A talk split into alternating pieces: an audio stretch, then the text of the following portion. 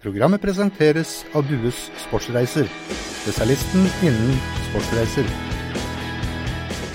Hei og velkommen til eh, fotballradioen etter en eh, innholdsrik eh, uke med mye eierskap og Start og Norges Fotballforbund og gamblingbransjen. Så er vi tilbake i studio, Jesper. Og godt er det.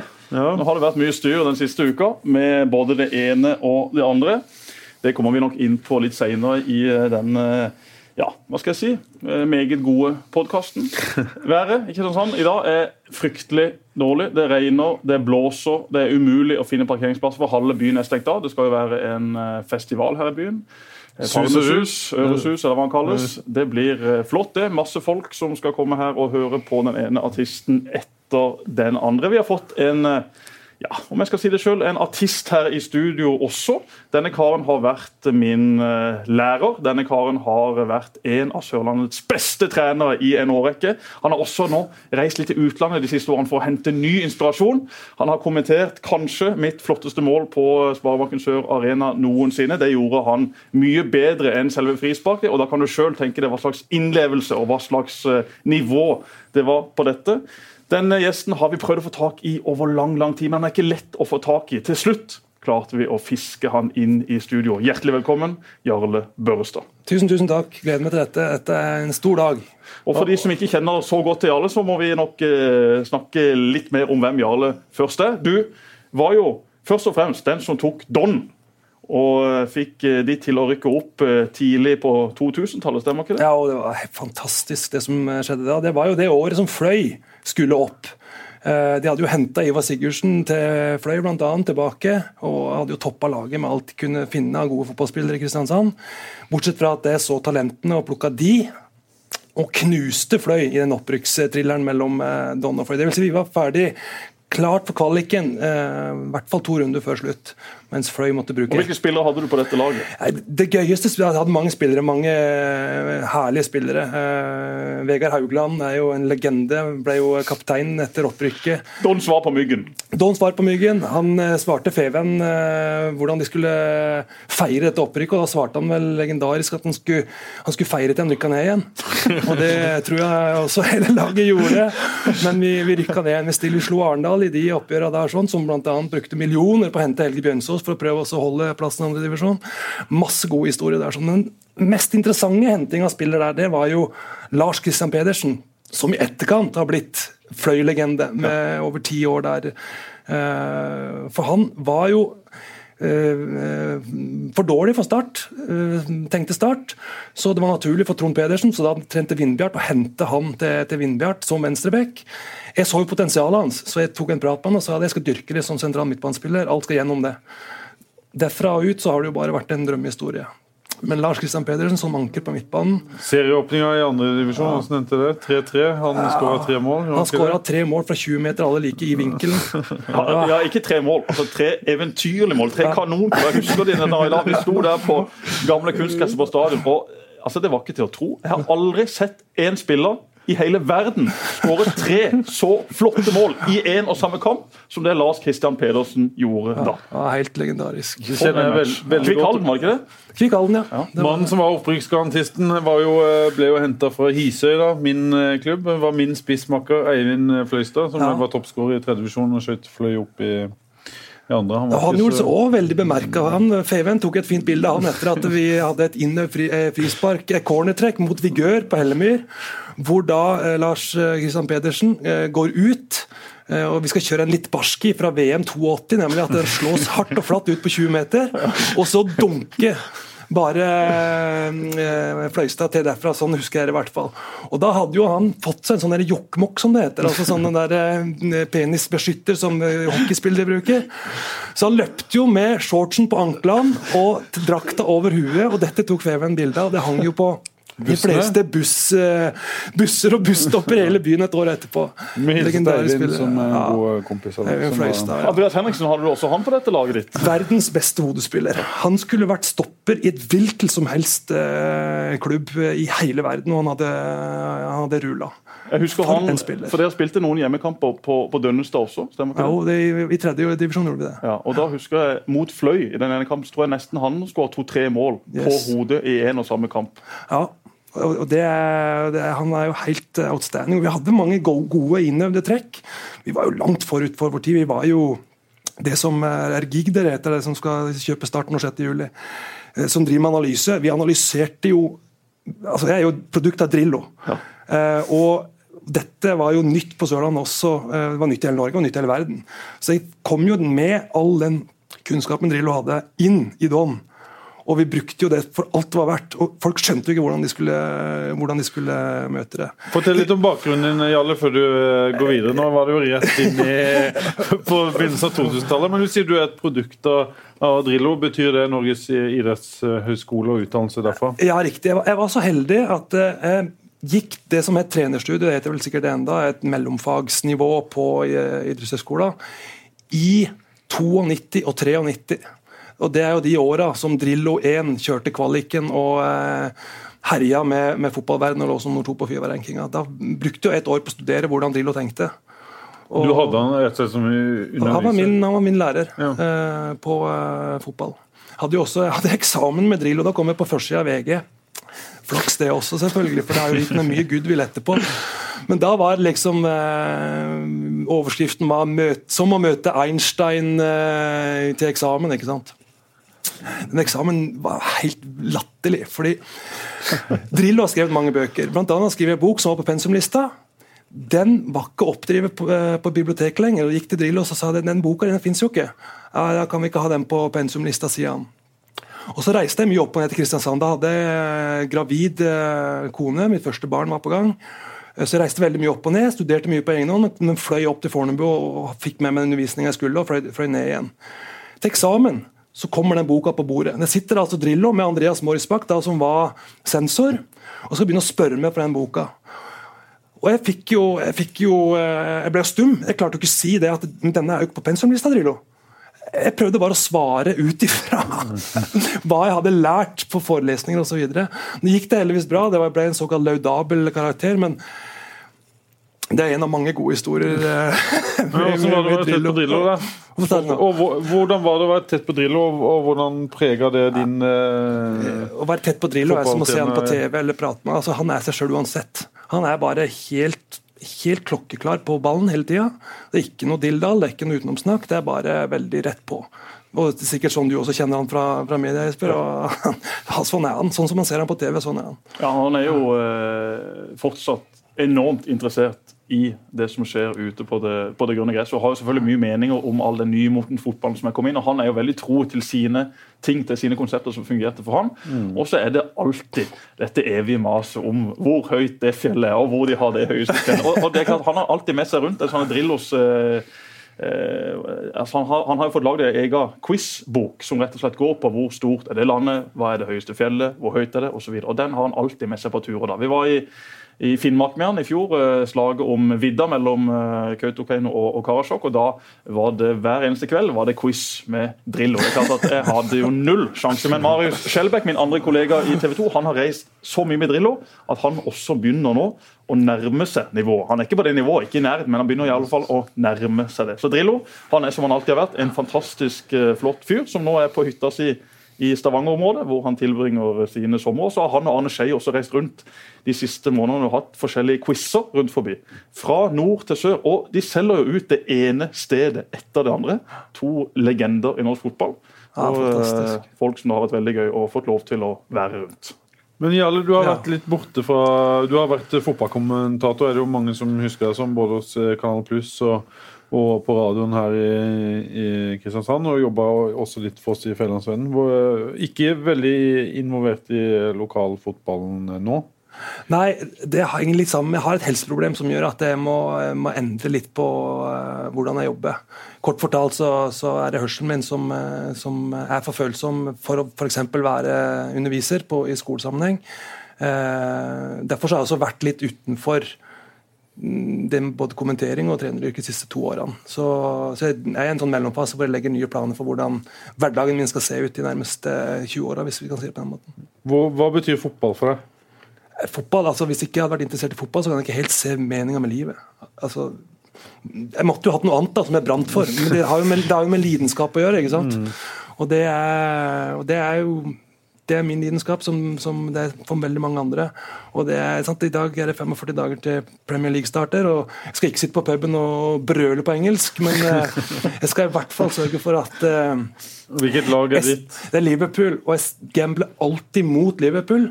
Sånn at jeg har en vinn-vinn-situasjon. Enten så tjener jeg penger, eller så vinner Liverpool. Om ikke du tjener penger, så tjener du i hvert fall vin. Og Jarle har jo da slått både meg og deg i veddemål. Du har gjort opp ditt veddemål. Jeg har ikke gjort opp mitt. Og dette har jeg veldig dårlig samvittighet for. Jeg vil bare legge meg totalt flat. Jeg har masse rødvin hjemme som skal leveres til Jarle Børrestad. Jeg drikker jo ikke vin sjøl, men jeg handler alltid vin og faktisk sprit på taxfree, fordi at der får du jo gode priser. Og jeg kjøper ikke de billige vinene, Jarle. Det kan du være helt trygg på. Fordi Men det er amarone i alle skal ha, ja, ikke det? selvfølgelig, men det finnes jo Ja, diverse, diverse Ja. priser på Amaronevin også. Pappa det- sa det. Du må aldri finne på å drikke billig vin. Det er altfor kort etter livet til å faktisk innta dårlig vin. Så jeg har god kvalitet som står hjemme i det høyre skapet på mitt kjøkken fra Ikea. Det skal jeg få kjørt ned til deg på Lund så fort som mulig. Men du må, må slutte å kjøpe på flyplasser. Du må kjøpe på Vinmonopolet. Det er bare tull at det er billigere på flyplasser. De blir blir lurt. Okay. Det er bare bullshit. Ja, men jeg lar meg lett lure. Ja, ja. Vinmonopolet, de har, sant, de er, Ja, men jeg vet ikke hvor Vinmonopolet i byen ligger engang. Nei, nei, du kan google det. Du, Vi må innom uh, temaet tema som, uh, som flest uh, her i byen uh, er opptatt av nå. Jarle, du kan jo si hvordan du har eh, opplevd denne nyheten som kom i, i forrige uke med, med Start og potensielle nye eiere. Så har Ja. vært sett på utsida, på utsida og følge det. Nei, Det er jo kjempegøy. Kristoffer Langeland og Mats Nesse har jeg jo både vært fotballtrener og lærer til de også, så dette var jo sånn Er det de nå? Jeg har jo, at, jeg har jo veldig mange venner i Kristiansand fordi at eh, som lærer i 15 år på idrettslinje, hvor, hvor de fleste fotballspillerne går igjennom, som trener for uh, forskjellige lag i mange år, så vi kjenner veldig mange. Og de stort sett så tror jeg de fleste, hvis de skal si noe om meg, så syns ja, det er en hyggelig kar og han vet hva han holder på med. Hvis det er én som jeg kan mistenke ikke gjør det, så må det være Kristoffer Langeland. For er det noen jeg har behandla dårlig, så er det akkurat han. Så nå kan jeg få den i trynet. Det gjorde de med han. Det var etter at det opprykket var klart. Vi hadde skulle eh, gjøre Snakker vi om Don? Snakk om Don, ja. Skulle gjøre oss klar og rigge oss for andredivisjon. Så var det en del spillere som egentlig ble funnet for lette, som måtte ut. Det er Da, da spilte Kristoffer Langeland ja, åpenbart han i, i Don. spilte, spilte i Don og ville være med i andredivisjon. Og det er klart at eh, Jeg syns ikke han var god nok, så blant, blant flere. Hva mangler han? Eh, Det husker jeg ikke, kan vi ikke si det sånn. Poenget var i hvert fall at istedenfor å ta telefonen eller oppsøke han og de to-tre andre som ikke fikk lov å være med videre, så lager en gruppetekstmelding og sier at eh, beklager, dere, dere er ikke gode nok. That's it. Og Kristoffer ringte det og sa at han syntes det var faktisk eh, dårlig gjort. Han, han forklarte at eh, kunne du ikke bare tatt en samtale med meg, så hadde dette vært uh, veldig mye enklere for både meg og deg. Absolutt, Det er eneste måten å gjøre det på. Ta en samtale. Ja. Eh, hvorfor jeg gjorde det, det må gudene vite. Eh, men kanskje det var noe jeg måtte gjennom for å minne meg sjøl på hvordan du skal behandle mennesker. Så det er jo helt håpløst. At han ringte meg opp igjen, det kan jeg ikke huske, det er fortrengt. Det har, Men- han, det har han forklart meg litt har han tidligere. helt sikkert gjort. Og han er jo, sant, han er jo en type som, som gjør det, som står opp og fram. Og, og eh, jeg håper jo jeg la meg flat når han ringte, selv om jeg ikke er sikker på at jeg gjorde det. Jo da, det gjorde du. Gjorde det. Du, er, du er tilgitt. Så, Ja, er du ikke være redd for det. Så hvis han da skal ansette en trener som jobber etter prinsippene om å vinne, for det er jo det det handler om, Det er det. Så, så er det veldig kort vei til, til potensielle kandidater, er det ikke det? Og denne Ma- Mats Nessen, en annen investor, kom fra Birkeland og ville bli fotballspiller i, i Kristiansand. Ja. um, Jesper har jo definert han som en, en eh, lekker eh, venstrebeint eh, sideback. Eh, jeg husker han som en utrolig fin type, en redelig framifrå kar.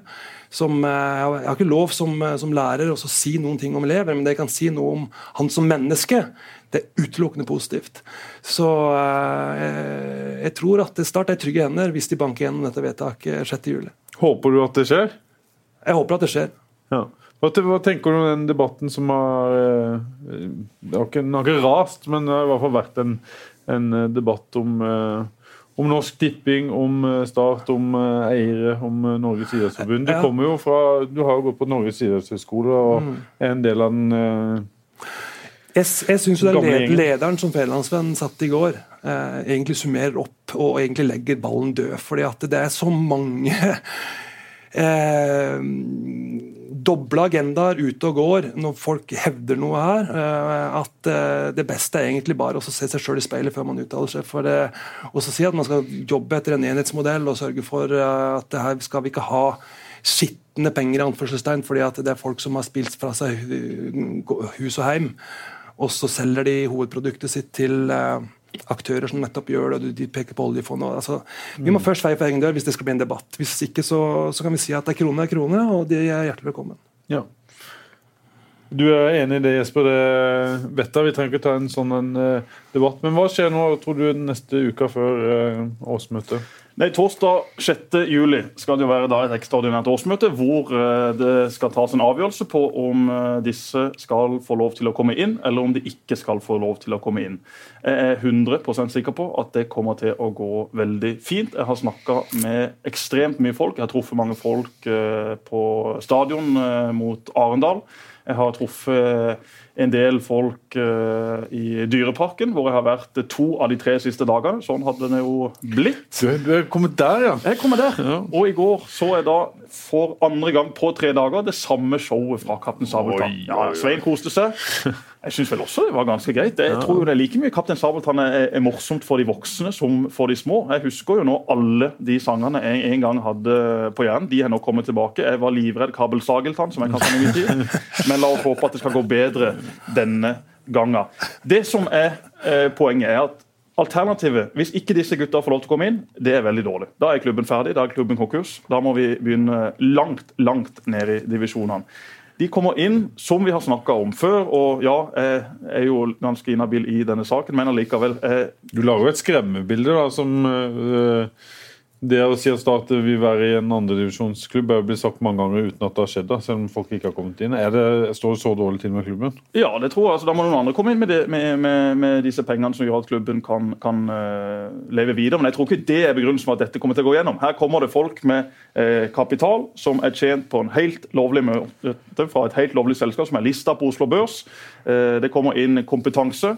Unge, offensive, men samtidig nøkterne mennesker. Og det ønsker selvfølgelig Start og alle de som er glad i Start, velkommen. Nå har det vært altså en hel haug av år i den mørkeste dalen og dypet du kan finne.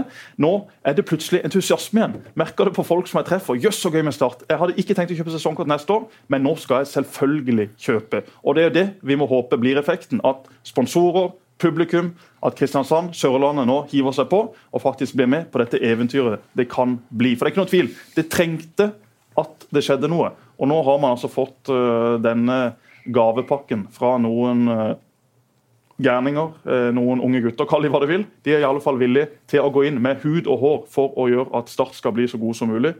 Og det må selvfølgelig Start takke ja til. Hva annet enn penger og mer gjennombruddshissighet, Jarle, men du Start eh, trenger? Du forfekter Ja, iallfall veldig det siste. Ja, det er én ting, og dette er egentlig et, et, et virus, et sykdomsbilde på norsk fotball generelt. Det er at man har glemt eh, hva som er målet med spillet fotball. Det er én ting det handler om, det er å vinne. Det eneste som gjør at dette er interessant for folk. Det er altså gå på kamp, se sine gutter vinne. Når seieren er i boks, så handler det om å ydmyke motstanderen. Og dette, og dette ser du mye sterkere i kulturer, f.eks. i Syd-Amerika, hvor det er snakk om vinn. Når du har seieren i boks, ydmyk. Det skaper entusiasme. Så kan du ydmyke med stil, da. Ikke sant? Eh, ikke nødvendigvis med hovering, men eh, ha litt den engelske gentlemanshipen i at du, du ydmyker med å spille finere fotball, skåre flere mål, eh, underholde med tekniske finesser. Men dette er virkemidler.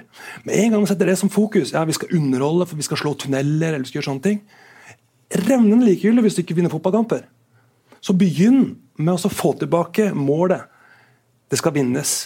Det toppa seg med Høgmo, som var landslagssjef, som skulle i forvillelsen i skogen begynte å skulle underholde. Begynne å ha en prosess. Ikke snakk om noen prosess. Vinn den kampen.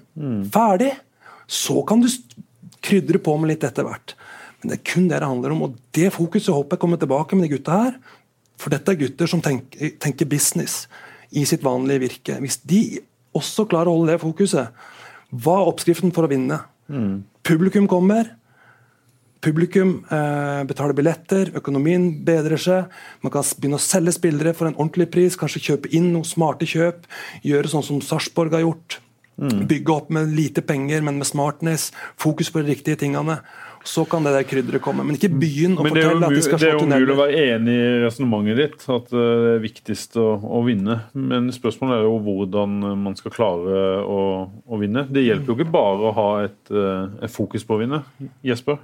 Nei, det gjør ikke det. Eh, først så må man jo stable sammen et lag som kan begynne å vinne kamper hver eneste uke i Obos-ligaen. Så skal man da rykke opp, og så er det et helt annet nivå. Eh, mange av disse spillerne var med på det som skjedde i fjor, i daværende Tippeligaen. Da var det veldig få av de som var i nærheten. Jeg tror jo ikke det at uh, den gjengen som var oppe i fjor, var så dårlig som det de fikk vist. Flere av disse nå har fått nyttig erfaring. Og hvis man får inn, eller ikke hvis, man kommer selvfølgelig til å hente inn tre, fire, fem spillere inn mot neste sesong. La oss håpe det blir Eliteserien. Da vil jo også det gjøre noe med den andre gjengen som skal spille rundt disse gutta, som da får litt av presset vekk fra sine skuldre. De vil rett og slett spille på et bedre fotballag, og da vil flere av de som er der nå også, blomstre på en helt annen måte i Eliteserien 2000 og Hva blir det? 18? Gjør ikke det? Vi er 17 nå. Jeg, vil, jeg tror du følger godt med på statskamper, Jarle. Ja, eh, Noe sier meg at du eh, kanskje ikke liker helt måten de, de spiller på. Steinar Pedersens filosofi filosofi er i hvert fall ikke lik den, veldig lik den du hadde. Først si det, Jeg har kjempesans på Steinar. Jeg tror han er rett mann for start. Men sånn som i fjor, så er jeg veldig uenig i virkemidlene hans. Jeg ville ikke gjort det sånn som han gjorde. For han hadde prosesstanken i huet. At her skal vi spille vår måte å spille på. Og så tapte de kamper, tapte de kamper, tapte de kamper. Sett opp laget som om du spilte på steingrus. Mm. Og bank nå den ballen opp der hvor det er viktig, innenfor 16-meteren. Krig inn et mål. Når ballen kommer på egen halvdel, få den over tribuna, ut på fjorden, og la klokka gå. Så har du tre poeng, og så kan du svare Feven hvorfor du spiller ræva. Mm. Spiller ingen rolle, vi har tre poeng. Så kan du få selvtillit. Så kan det gå to-tre kamper, så har du begynt å få litt poeng. Så kan du begynne med disse prosessene som er krydderet, det som folk vil se. Da kan du begynne med de ydmykelsesfaktorene. Men ikke begynn med de. Begynn med å vinne kampen, med uansett virkemiddel. Jesper, du som type, du er en vinnerskalle. Jeg vedder på at du var, når du spilte five side eller gjorde det på trening, Betydde det noe å vinne, eller betydde det noe å, å, å, å spille fint og tape med ett mål? Nei, jeg er faktisk veldig enig i den tankegangen du la fram her i stad. Først var det selvfølgelig alt om å vinne. Og hvis jeg visste vi kom til å vinne, ja, så var jeg verdensmester i å hovere, ydmyke, ydmyke være ei skikkelig bikkje utfor der, bare for å trykke de andre så langt ned som mulig. Det var det beste jeg visste. Det var det også i kamp. Hvis jeg visste at vi hadde kontroll på det, hvis jeg visste at vi kom til å vinne, da var det for meg ett fokus. Ja, nå skal du rett og slett gå ut der, så skal du bare være jævlig overfor motstanderen. Og det var så gøy! Og jeg savner det! Og det, jeg ikke gjøre det lenger. Den følelsen her er jo sterk, det er en sterk drivkraft hos supporterne. og jeg tenker Det å, å få Rosenborg ned og slå Rosenborg i Kristiansand, det er jo ingenting som er bedre for en Start-supporter enn det. Vi som husker både 91 og 2005 og noen andre ganger og Rosenborg har, har reist herfra mm. uh, uten poeng. Det er jo ingenting som er bedre enn eh, det. Nei, og det, og det fenger, og det, og det er det som er kjernen med hvorfor en skal gå på kamp. Du har noen få som bare støtter Start uansett, og så gråter de sjela si både før, under og etter kamp. Mm. Men, men, dette er kjærligheten. Mm. Men så har du de som er litt i randsonen av akkurat det der hardcore, da, som, vil, som vil bli trigga på noe. Mm. Og Er det noe vi kan trigge folk på, så er det jo det som ligger latent i ryggmargen på, som vi ikke alltid er obs på, men er vant. Bare et eksempel fra, fra trening. Eh, da man har en øvelse hvor man deler opp i to lag. To firkanter så skal da eh, fire spillere fra det ene laget over og presse i den andre firkanten, prøve å vinne ballen. Og I den øvelsen, da, eh, som, eh, som oftest mitt lag selvfølgelig vant, så var det jo da om å gjøre å holde ballen så mange trekk som mulig. Og når vi da begynte å komme opp i 30-40-50 pasninger, så var det gøyeste jeg visste. Og det satte fullstendig fyr på hele treninga. Det var da, og Idet jeg fikk ball, så sier jeg vet du hva, nå slår vi den over til de andre. Nå må de få lov å låne litt. ikke sant? Slo den over til de, og så var vi overpressa. Og det andre, det klikka for dem. Jeg husker, jeg var i slåsskamp med både den ene og den andre gang på La Manga. Jeg tror det var Børufsen, Mathias Williamson og Gudmund Kristiansson. Altså, det lyste øynene sine. Det er klart, Hvis man har den tenninga hver eneste kamp, det er selvfølgelig vanskelig, men det er jo der man er nødt til å komme. og Da er man avhengig av vinnertyper. En ting når Rosenborg eller Brann kommer på besøk, da dirrer hele stadion, da dirrer hele garderoben. Men når du skal ut og møte disse lagene som ikke er fullt så sexy Det er sånn det må være hver gang. Ja, Elverum på søndag. Elverum kommer til å stå og dirre. Dette er årets største kamp for Elverum. Glem Bodø-Glimt. Det at Start kommer på besøk, det er det som er den største kampen for de denne sesongen. De står nå på treningsfeltet. Det er den kampen i år det er viktigst å få lov til å spille. og Det skal de vise på trening, og det skal de vise på søndag. Da må Start opp på i alle fall i nærheten av det samme tenningsnivået. Mm. Ja, De kan ikke gå dit og gjøre sånn som Høgbos landslag gjorde mot Ungarn. At vi skal, bort, vi skal, vinne denne kampen med stil og profil, og vi skal ha en 15-åring som skal tre gjennom, for han er den flinkeste til å slå uh, pasninger. De kommer jo aldri opp i fighten. Ungarn mm. krigde jo lag av banen. Det samme kan skje med Start mot Elverum. Hvis, hvis Start kommer dit nå Vi er bedre gutter, nå skal vi bruke ferdighetene dine, Daniel Aase. Du skal dra i hvert fall én mann, to mann. Så skal vi ha løp rundt det. Hvis det er fokuset, jeg sier ikke at det er det, men hvis det er fokuset, så kommer de til å reise hjem med maks ett poeng. For Elverum tar krigen, garantert, med mindre de også har en sånn fjollete tanke om at de skal underholde. Men hvis det er riktig det du sier, at de de er for å krige denne i havn, så er det gode odds for at det skjer. Ja.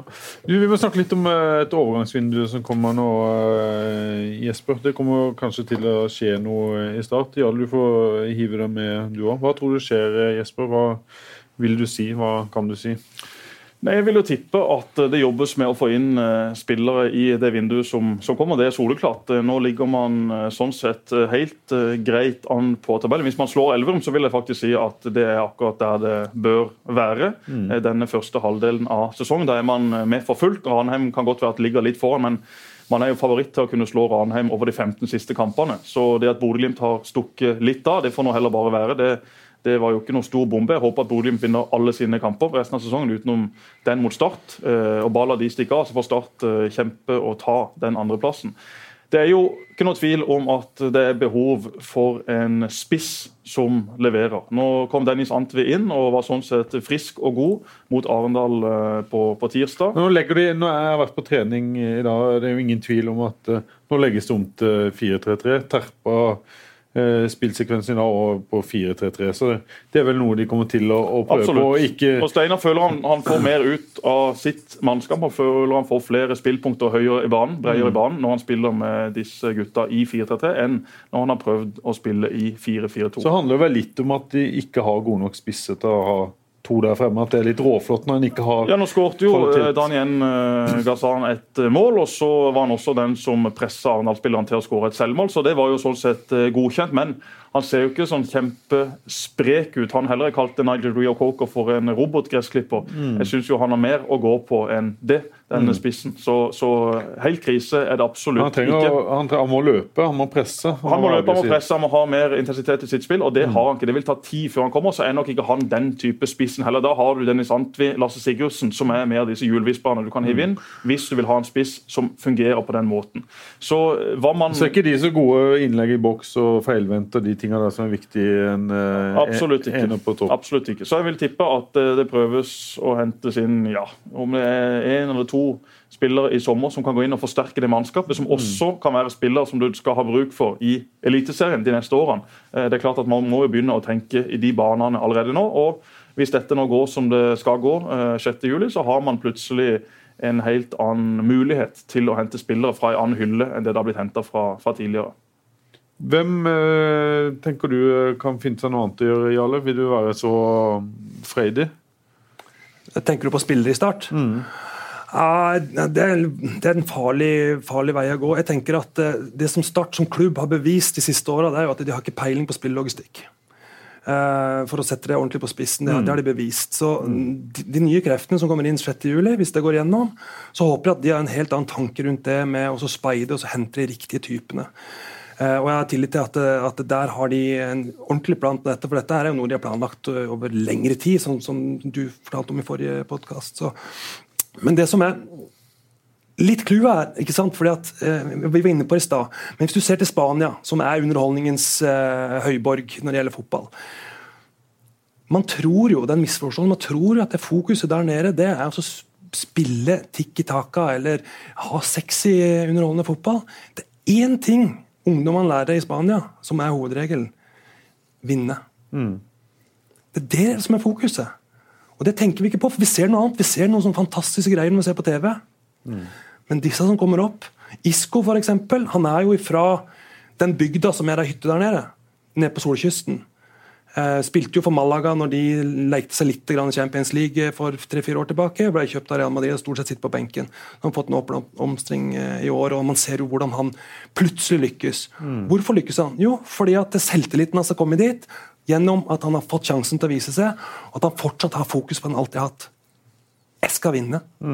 Ikke at han skal slå en tunnel. ikke at han skal... Jeg diskuterte med Marius Johnsen i stad. Han sier han har gått inn og lest litt internasjonal forskning om land der de lar ungene konkurrere fra de er bitte små, eh, og land som Norge der det ikke er, Ikke sant? er lov. Og I Spania konkurrerer de fra de er seks år. Under seks laga har tabeller og resultater. Hva tenker du om den debatten? Nei, det er todelt. For når, jeg, når, jeg, når jeg er der nede, så går jeg litt rundt og ser på fotball, ser på treningsfeltet og ser hvordan de jobber.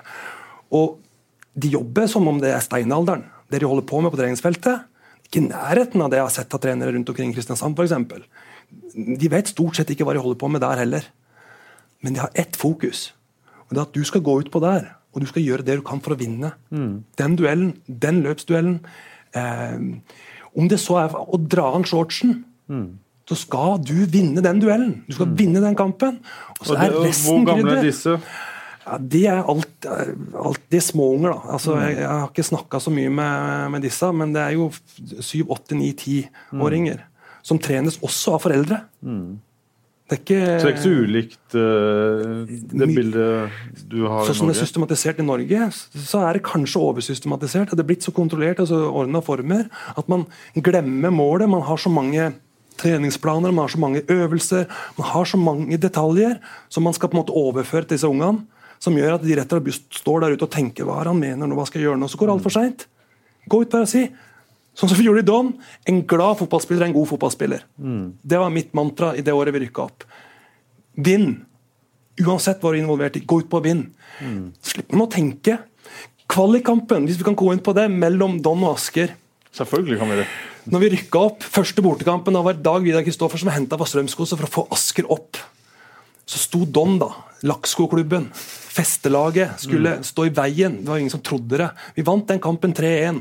Og jeg sa til Harald Haugland på høyre bekk, Tor Erik Felder på venstre bekk Vi skal underholde, dere skal løpe, vi skal ha det gøy, men vi må være smarte til bortekamp. Det er to kamper. Dere kan ikke gå begge to på likt, ikke sant? for da, de ønska jo det. Det var min klare beskjed, og jeg coacha de på det underveis hele tida. Tor Erik og Harald. Many of us have those stubborn pounds that seem impossible to lose, no matter how good we eat or how hard we work out. My solution is PlushCare. PlushCare is a leading telehealth provider with doctors who are there for you day and night to partner with you in your weight loss journey. They can prescribe FDA-approved weight loss medications like Wagovi and Zepbound for those who qualify. Plus, they accept most insurance plans. To get started, visit plushcare.com slash weight loss. That's plushcare.com slash weight loss. De gjorde akkurat som de ville. De løp når de følte det var riktig, og de sto vel for både alle skåringene og alle de målgivende. Og vi vant 3-1 borte. Så eh, takk og pris at ikke de hører på meg, i hvert fall, som en eh, overlært eh, trener som har en tendens til å ville overføre for mye kunnskap, som alle andre. Men lot de også være seg sjøl. Ta egne valg? De er nødt til å gjøre det, for det skal skje i ryggmargen. De kan ikke se toppen. Det tar for lang tid ifra du har tenkt det, til du skal gjøre det. Det går et, det går et lite sekund.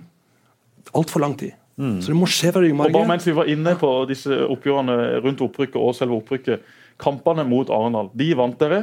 Men det ble vel kanskje huska for noe som skjedde på tribunen fra dette fryktede, fantastiske sebraberget, som hadde med seg fyrverkeri. Og det endte jo med et knall rett bort med Arendal-benken. Min gode venn Rune Hegeland var en av de som sto der. Ja, nei, det var altså Det er jo verdens beste gutter, det, det Sebraberget Er det der. på Lunde stadion? Ja, det var, jo, det var jo noe pyro der som, eh, som, som de hadde fått lurt med seg inn, og som smalt. og Det ble, ble noen skader på noen folk der, så det var litt ufint. Men Men det var synd Det som vi kan le i dag. Ja, Ja, ja, altså, De overlevde jo, men det var jo, det var jo en skikkelig sak. Ja, det, var, det ble jo det. Og det ødela jo egentlig hele det Sebraberget, fordi at det ble for mye stress for de som var involvert.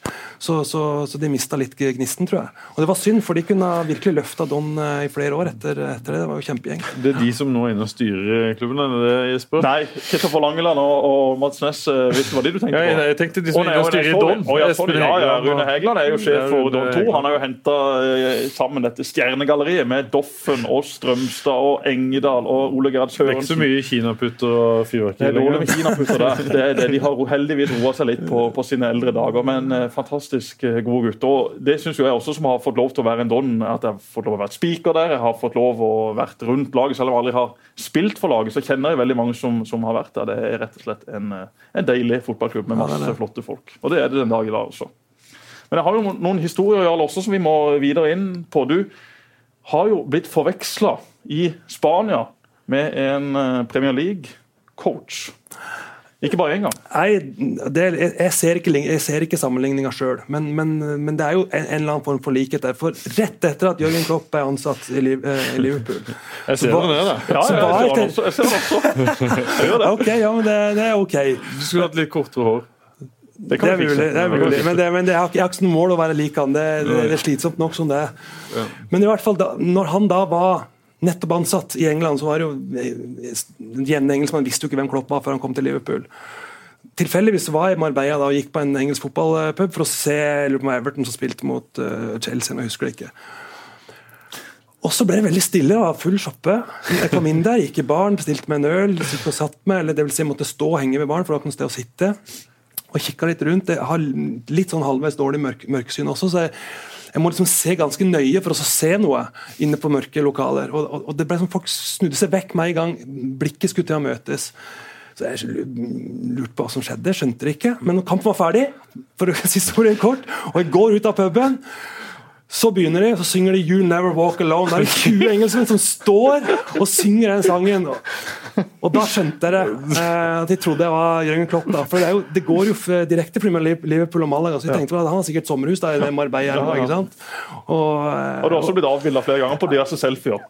Sånne såkalte selfier, i hvert fall 100 ganger. Eh, spesielt eh, de som tør å spørre, det er fedre med, med småunger. For da kan de unnskylde seg at du, sønnen min vil gjerne ha et bilde med Klopp. hva svarer du, Jarle? Jeg, jeg, jeg kan tysk litt dårlig, så jeg prøver å snakke engelsk med tyks, tysk asang og late som. For noen som tror det, de tror det oppriktig, mens de fleste skjønner jo at det bare ligner. I hvert fall nå etter hvert som Klopp er mer kjent. Men til å begynne med så var det veldig mange som trodde at det var det. Så jeg, jeg kjørte den helt ut, og jeg holdt på å le meg i hjel eh, etterpå. Jeg er dødsvittig. Og så har vi Du har lagd en CD-rom. Eh, midten, slutten av 90-tallet. Det må du eh, fortelle litt om. Ja, det er vel ingen i dag som veit hva en CD-rom er for noe. Men det Nei, er, jeg husker det. Jeg husker det minneste fra min barndom. Det er, det er for en enhet hvor det kan lagres datamengder. Og CD-rom var jo ganske hot før internett var godt nok til at du kunne laste ned programmer direkte på PC-en din. Så da måtte du selge fysiske plater med et program. Eh, Det lagde sammen med Drillo, Semb eh, og, og Larsen. Og det var 97, så det var jo eh, dotcom-bobla som, eh, som var under oppseiling på den tida. Eh, vi solgte eh, 10 000 plater, som var mest hele Norden innenfor idrettssjangeren. Så vi var litt fornøyd med det. Men vi tjente ikke en krone, for det var for dyrt å lage. Men det var en, det var en reise. Og spesielt VM i 98. Ja. Og da, da, var, da var vi tidlig ute på hva som er dagens eh, mediehverdag. Altså, for da hadde jeg sendt det med en mobiltelefon, ikke si navn, men han satt på benken på hver eneste kamp og var i offisielle støtteapparatet. Så vi hadde direktelink til benken, og de som hadde da kjøpt den plata i forkant av VM, de kunne sitte da på sin PC og følge med live oppdateringer med direkte kommentarer fra, fra benken eh, under VM 98.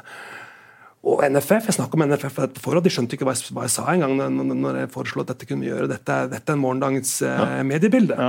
I en, en eller annen form. Direkte kontakt. Og og, nå har vi jo alle disse sosiale mediene. Det var jo ikke det på den tida. Så, så, det var egentlig Facebook Live på Norgebenken i VM 98. Yes. Men hva kosta dette? Det må jo ha kosta noe enormt, denne mobiltelefonsamtalen. Ja, eh, mobilregninga kom på 67 000 norske kroner.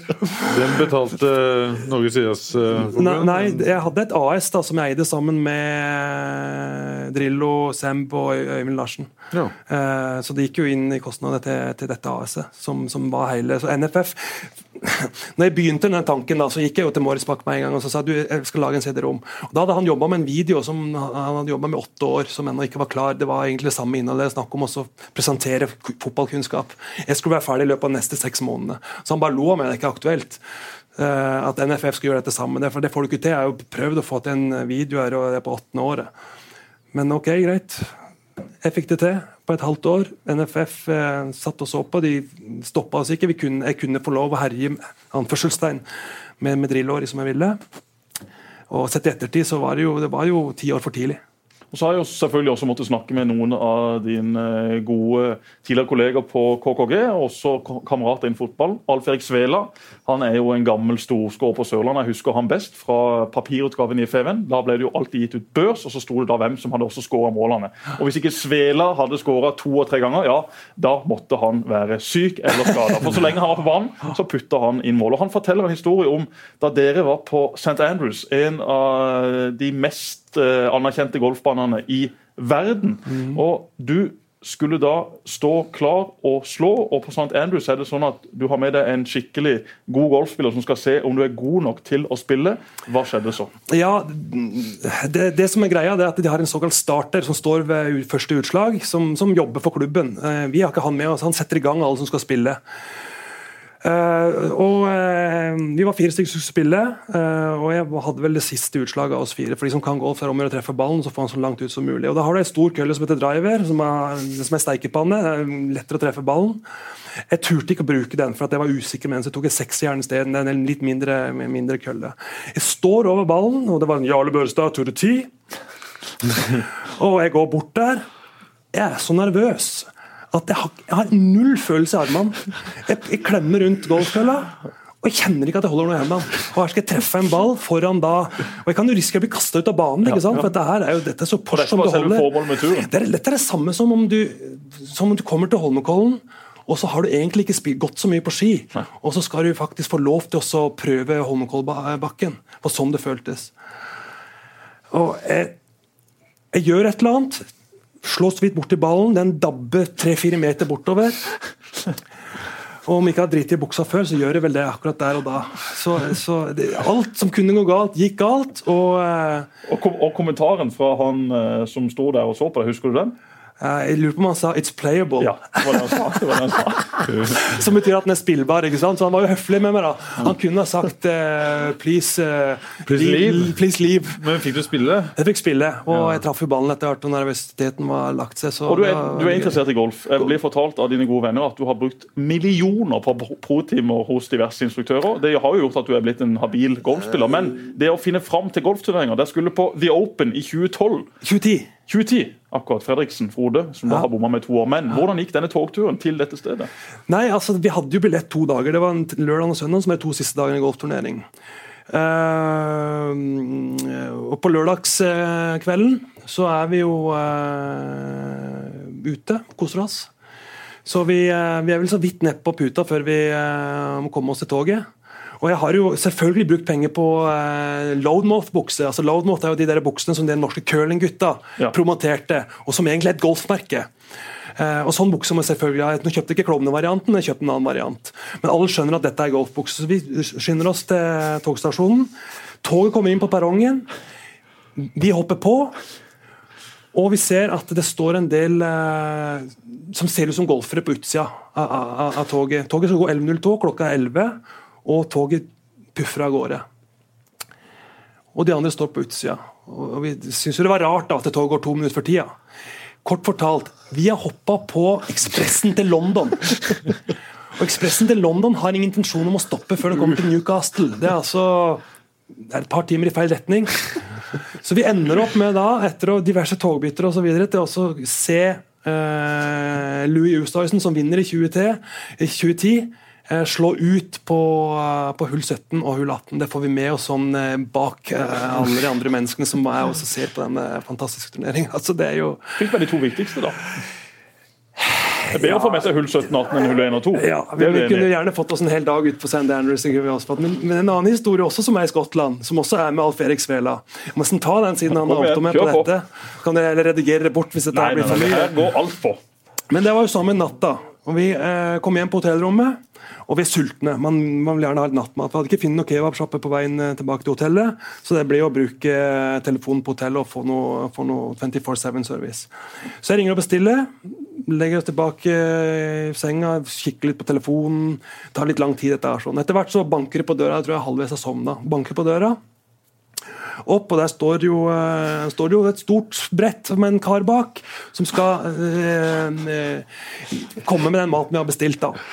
Og Så ber han meg ta det, og jeg har mobilen i ene hånda. og og Det var veldig mye å ta imot. så jeg bare sier, kom inn, du, du, du kommer inn med det. Han litt motvillig kommer inn, setter det på bordet ved, ved, ved senga der. Og så sier de det er fryktelig mye mat, du må gjerne spise med oss. Vi kommer ikke til å klare å spise alt dette her. Du har sikkert hatt en lang dag på jobb og alt det der. Nei, nei det, var, det var ikke aktuelt. Det kunne, det kunne, vi bare Nei, greit, ikke skal ikke lage noen vanskeligheter her. Det er bare få betalt og gi deg noe driks og ha en eh, hyggelig aften videre og lukke døra etter den. Og så går jeg bort forbi eh, senga til Affa, og så, så legger jeg meg med pizzaen på magen eller et eller annet. Og så sier han til meg du da, så ser jeg selv i speilet. Så reiser jeg meg opp, så ser jeg meg, så har jeg ikke noen ting på meg! Kliss naken! og det hadde ikke jeg fått med meg. da. Jeg trodde jo jeg var liksom full påkledd. Så jeg skjønte at han som kom med maten, var litt skeptisk til å dele nattmat med, med to eh, blonde nordmenn fra Norge. Jeg tror også jeg har vært kjapp ut av den. Jeg tror nok det. Og Ole Erik Martinsen har eh, gitt meg bare et stikkord. Karaoke i Spania, 'My Way' av Sinatra. Er det en god historie? Eh, Olaug Martinsen er jo mann med ja. enormt en god historie. Vi har prøvd å invitere han her ja. hundrevis av ganger, men han komme. nekter å komme. Han må, han må komme, ikke sant? Komme kan du hjelpe oss å overtale han? Ja, jeg skal Bra. fikse det. Det gøyeste historien med den, det er jo at vi, det er ikke bare oss to som er ute. Vi har jo med oss Rolf Sagen. Og Rolf Sagen er legende. Han som har tatt hei i hodeskallen. Yes, fantastisk både fotballspiller og fotballtrener. Han er med oss, og vi sitter jo med menyen på oss å synge. Eh, for Ole så er det vel ikke aktuelt å synge. For min del så, så, så sang jeg den sangen eh, som han nevnte, 'My Way', med innlagte varianter av eh, Liverpool-hyllest, for det var noen andre engelske menn det. Men det er ikke det viktigste. Det gøyeste er jo at Rolf Sagen bruker hele kvelden på å finne den sangen han skal synge, og når han bestemmer seg, så får vi beskjed om at det er stengt. og så, så, vi, så vi ler oss i hjel, og verken jeg eller Ole visste, visste noe om Rolfs egenskaper til å synge. Så vi går til neste lag, for da skal Rolf synge. Han har funnet sangen sin. Og han går opp, og så er det rap attack fra 80-tallet. Og han rapper hele den låta på 6-7 minutter som om han hadde lagd den sjøl. Verdensklasse. Jeg hadde de øynene. Jeg skjønte ikke hva som skjedde. Helt fantastisk. Rolf Sagen der, altså. Få han til å kjøre rap etter. Vi får invitere de to sammen. Altså, ja, det skal vi gjøre. det skal vi gjøre. Får vi synge begge to. Ja. Veldig morsomt med slike gode gamle historier fra lokalfotballens uh, helter. Du, hva tenker du om lokalfotballen, uh, Jarle, sånn det ser ut her på Sørlandet nå? Følger du noe, noe med? Eller var alt bedre før? Uh, nei, ingenting var bedre før. Uh, alt er bedre nå, og alt blir bedre i morgen. Sånn, det er min, min tanke på alt i livet, egentlig. Mm. Og nå, nå, får ikke fulgt tett nok med, jeg er ikke på nok kamper. Uh, mest av mest av egen, egen vilje, holdt jeg på å si, men det har litt grann med, hvis det blir for mye folk og for mye støy, så sliter, sliter jeg med, med, med hørselen. og og eneste medisineringa som, som, som, virker utenom du skal ta nervetabletter, er jo litt alkohol. og Man kan ikke gå rundt og være full på alle fotballkamper. Det, det, tar seg ikke veldig bra ut. Uh, men jeg følger jo med på tabeller, jeg følger med på resultater, jeg følger med på sosiale medier og, og får med meg ting. og Jeg liker jo det jeg leser av han som driver på i Lyngdal. Mentaliteten hans. Han blir jo eh, kanskje litt uglesett av mange, han kan være litt direkte. Men måten han snakker på, er jo min, min gate, hvis jeg forstår han riktig. Hva er navnet? Og jeg husker ikke, Er det Leo et eller annet? er det det? Det kan vi finne ut av mens vi ja, forklarer. Ja. men i hvert fall så, sånn, som han, sånn som han skrev et innlegg nå på den breddefotballsida som dere har her i Feven, nå i går, vel. Og Da skriver han jo dette med at det, det, det fokuset som de har med, med, utvikling av spillere, det er Vi skal vinne. Mm. Sant? Den Lyngdal-holdninga er mm. deilig. Og Jeg har vært i Lyngdal som trener to ganger og parkert bussen og vunnet og de har jo vært steingale på meg. Siste gang jeg gjorde det, så gjorde det med Randesund. Da var han treneren så sinna på meg at han eh, skulle fysisk banke meg.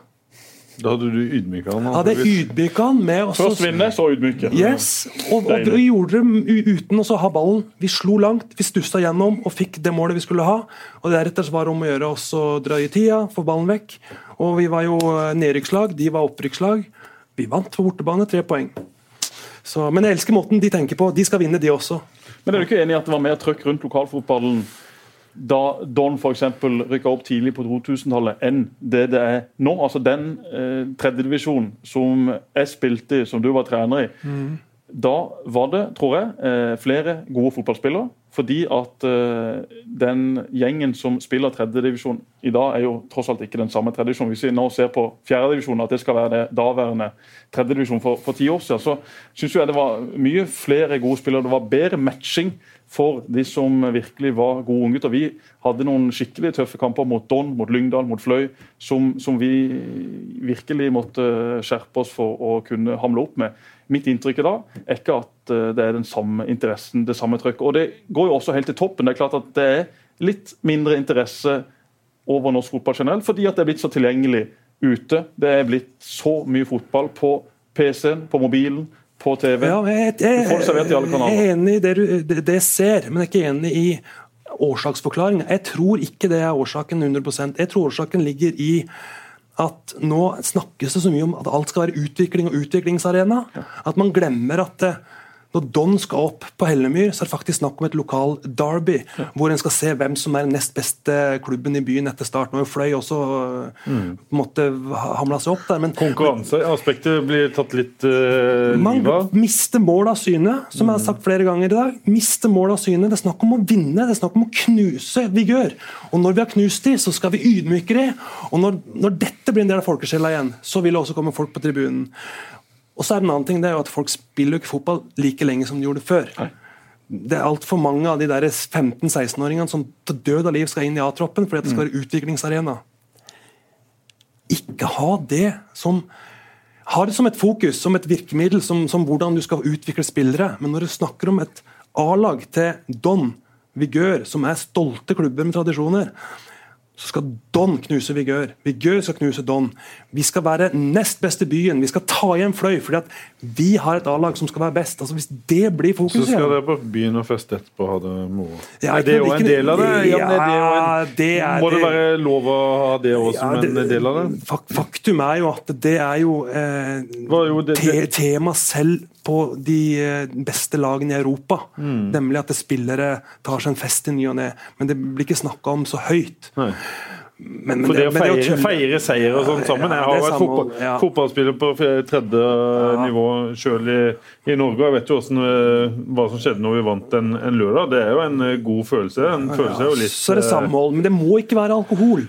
Det, det, man, må, man må bli litt mer voksen i huet og tenke at ja, jeg kan gå ut og feire, og så kan jeg ha en cola. Og så kan de som, som vil ha en øl, ha det, men det, er ikke, det skal ikke være fokus. sant? Jesper han er jo stått fram som eh, en som ikke drikker i det hele tatt. Han er en av de festligste typene vi vet om. Han klarer jo det, og, og, og sånn må det bli mer kultur. ikke sant? Men Hvilken følelse hadde du hvis du eh, hvis jeg feiret en seier eller sånn, og gikk på byen? Følte du deg som en loner, eller følte du deg som en del av et sånn fellesskap som, eh, som Jeg tror vel eh, nesten aldri jeg har gått på byen etter en kamp. Eh, uansett om vi har eh, vunnet, og i alle fall ikke tapt. Jeg har blitt fly forbanna på spillere som har gått på byen etter at vi har tapt, at vi har levert dårlige prestasjoner. Det har skjedd senest de siste årene. eh, hvor jeg har fått høre at den og den spilleren har vært på byen. Uh, jeg gir blaffen i om man har drukket mye eller lite, men har man tapt en kamp for Start på en lørdag, ja, så går man ikke ut i markens på kvelden. Da holder man seg hjemme og så fokuserer man på hvordan man skal vinne den neste kampen. Det er en av de tingene som eh, har gjort meg mest sinna på mine lagkamerater. Og jeg har ikke vært redd for å tatt de dagen etter. Sagt at vet du hva, du var ute på lørdag kveld. Hvordan kan du gjøre det? Hvor er stoltheten din? Du kan ikke dabbe rundt på byen og, og snakke med folk. Folk ser det. Når, når en startspiller går på byen, ja, så går startspilleren på byen. Ikke eh, Ola Olsen på byen. Da går du der for å representere Start. Branko han var nå i alle fall eh, ærlig. Han kom inn han på Harvis med full sponsoroutfit. Det var ikke noen tvil om at han kom fra start. Men det er klart at det kommer folk fra andre land som har en annen mentalitet. Men også flere av de lokale guttene som jeg har sett eh, vokse opp, som jeg har sett prøve å slå gjennom, som rett og slett mister bakkekontakten. Som syns det er dødsfett å kunne gå på KKG på skolen med starttreningstøy. Som syns det er enda kulere å kunne gå på byen som startspiller med kassa fram og det ene med det andre. Vet du hva? Det er ikke sånn man blir god. Og jeg er veldig spesiell på dette området. For det å gå på byen for meg, altså etter klokka 11, så har jeg null tilbake for det som skjer. Jeg står bare og snakker med folk som mange av de ikke husker hva man snakker om dagen etter. Eh, må stå og skrike og gape fordi det er masse lyd og masse støy. Det er mye mer fan av. Ja, Samla seg hos en av gutta, tatt og satt på grillen. og Så må gjerne folk ta seg øl eller et glass Mm. vin. Det har jeg ikke noe imot.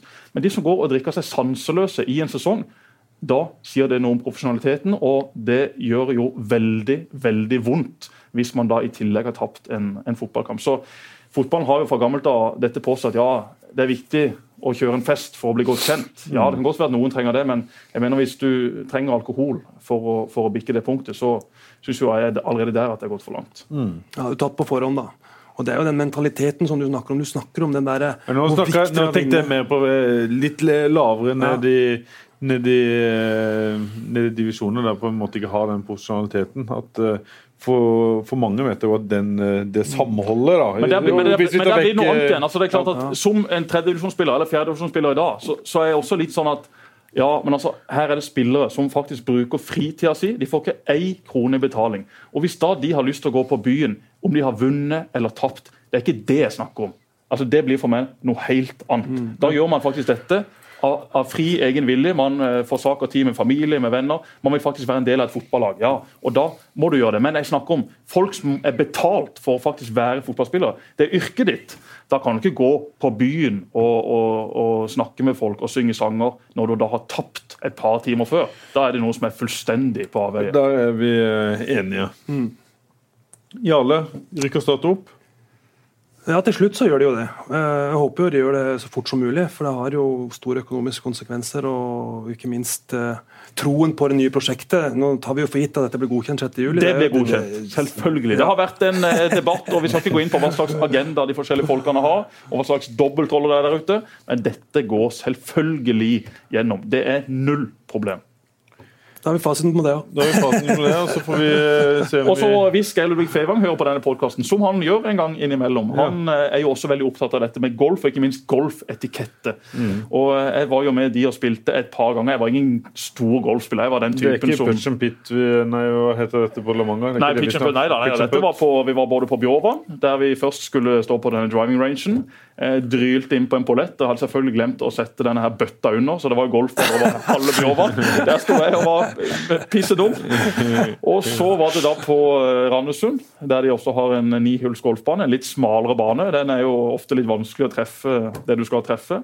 Og da var det litt den samme følelsen som i alle. Sto på utslag på hull syv og hadde liksom brukt god tid på å sikte, at skal se på ballen, og må du liksom fortsette å se på ballen når han skal fare av gårde. ditt og datt. Og det er klart, jeg er jo litt høy, eh, og jeg var ikke så interessert i golf at jeg kjøpte disse golfkøllene som kunne legge på et par centimeter. Så jeg sto der med kanskje litt for korte golfkøller, og da toppa jeg altså en ball. Eh, Og Geir Ludvig Fevang sto rett bak meg. Og han er jo sånn Du må være høflig, du må kunne besinne deg. Og jeg toppa den ballen. altså Ballen, ballen rulla 35 cm. Og der hadde jeg stått altså, og vært konsentrert og brukt tid og tenkt gjennom alle tingene jeg skulle gjøre. Og jeg vil jo anse meg som et eh, balltalent, for jeg har nå klart å håndtere de fleste idretter jeg blir kasta ut i. Men jeg ble så forbanna. Jeg tok først ei kølle og geita den inn i skauen. Han ble delt i to. Skaftet gikk en vei og køllehodet en annen vei. Tok ei kølle til og gjorde akkurat det samme. Geir Fevang var helt i sjokk. Han skjelte meg ut. Han nekta å gå sammen med meg på flere golfbaner. Og jeg har aldri siden den da fått lov til å spille golf med Geir Ludvig Fevang. I tillegg så gikk jeg rundt og snakka høyt i mobilen. Det var jo folk som ringte, jeg måtte jo få lov til å svare dem. Men det også var fullstendig feil. Du, er du beskriver jo at du er marerittet på en golfbane. Det, Ikke sant? Ja, ja, ja, Ikke så det er godt du sier fra. Det er godt Spiller du noe golf? Nei, det gjør jeg ikke. Jeg gjør ikke det. Jeg har spilt uh, på golf veldig mange ganger. Ikke spilt så mye golf. Kjørt golf har du vel også gjort? Kjørt golf har jeg også gjort. Tre forskjellige. Nå har jeg bytta til en Volkswagen Touran fra 2006. Koster meg 75 000 kroner. Trine rygga selvfølgelig rett inn i garasjen her om dagen. Det gikk uh, fint med garasjen. Bilen fikk seg stor skamme. Men det gjør jo ingenting, for vi har kjøpt en gammel bil som vi ikke er redd for. Så selv om hun normalt sett hadde fått ørene fulle av kjeft, så slapp hun faktisk veldig billig unna. Men jeg må få lov også å ta noe, fordi at før sending i dag så sitter jeg og spiser frokost. Jeg sitter da på Facebook, og vi har jo vært innom dette før, men i dag så er altså tidenes er verste bursdagsgratulasjon.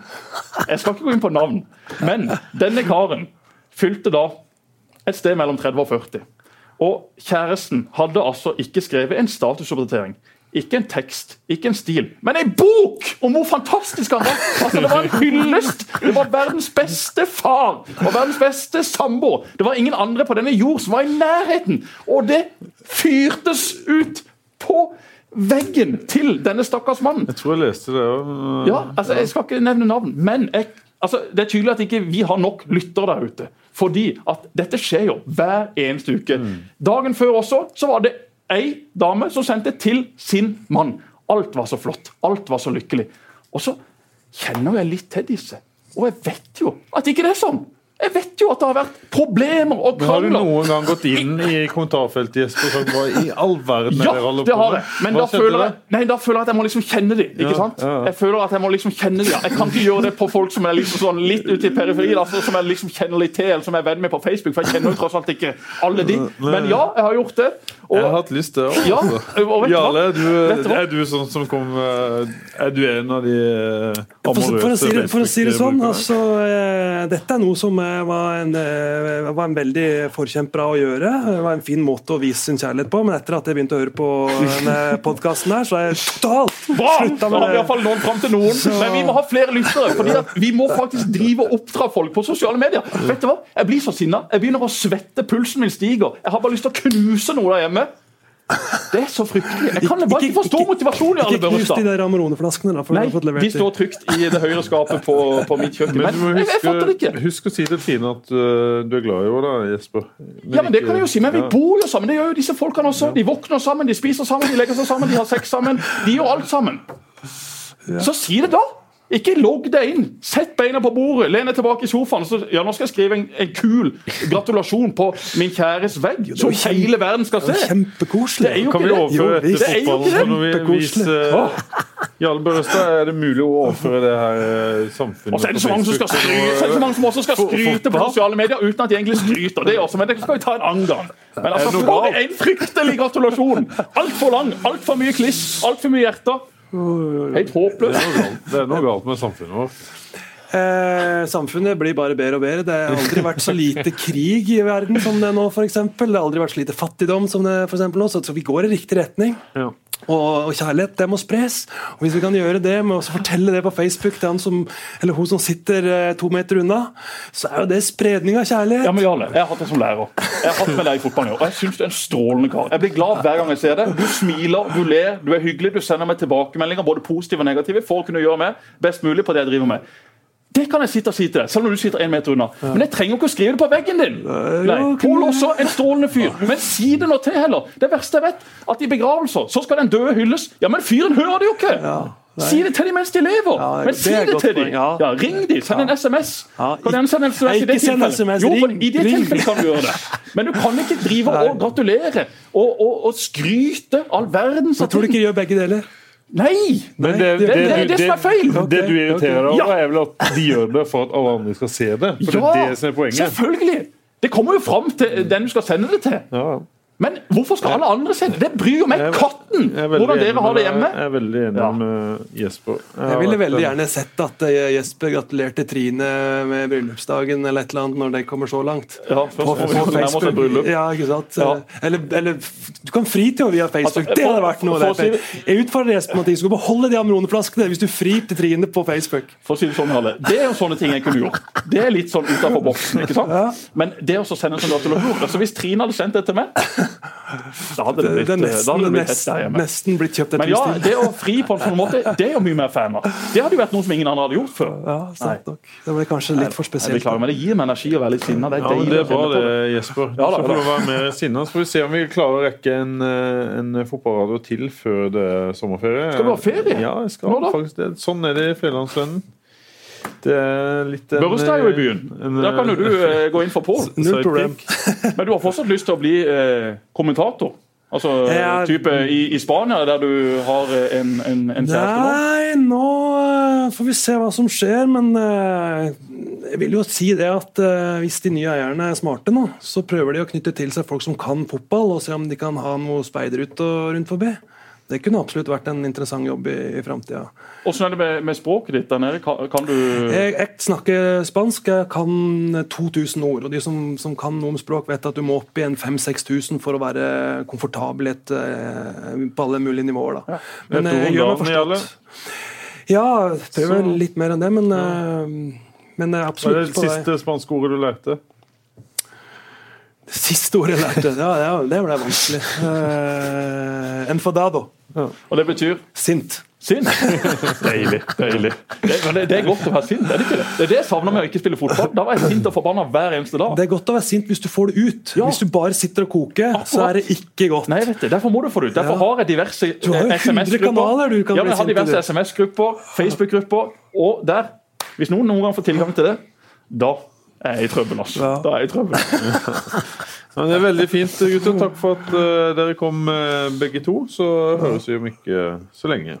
Vi gjør det. Og så eh, må jo folk, hvis ikke vi har en fotballradio før årsmøtet 6. juli, følg med. For det blir vel eh, sendt eh, hos FVM. Ja, hvis eh, årsmøtet tillater det. Det er jo sånn i en fotballklubb at det er eh, klubbens medlemmer som bestemmer alt. Hvis klubbens medlemmer sier at uh, her får ikke Fjellandsvennen lov å filme og sende, så gjør vi ikke det. Men hvis de sier at eh, vi får lov, så sender vi selvfølgelig. Det skal bli sendt, og Start en drøm, den skal starte på torsdag.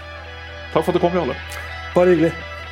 Programmet presenteres av Dues Sportsreiser, spesialisten innen sportsreiser.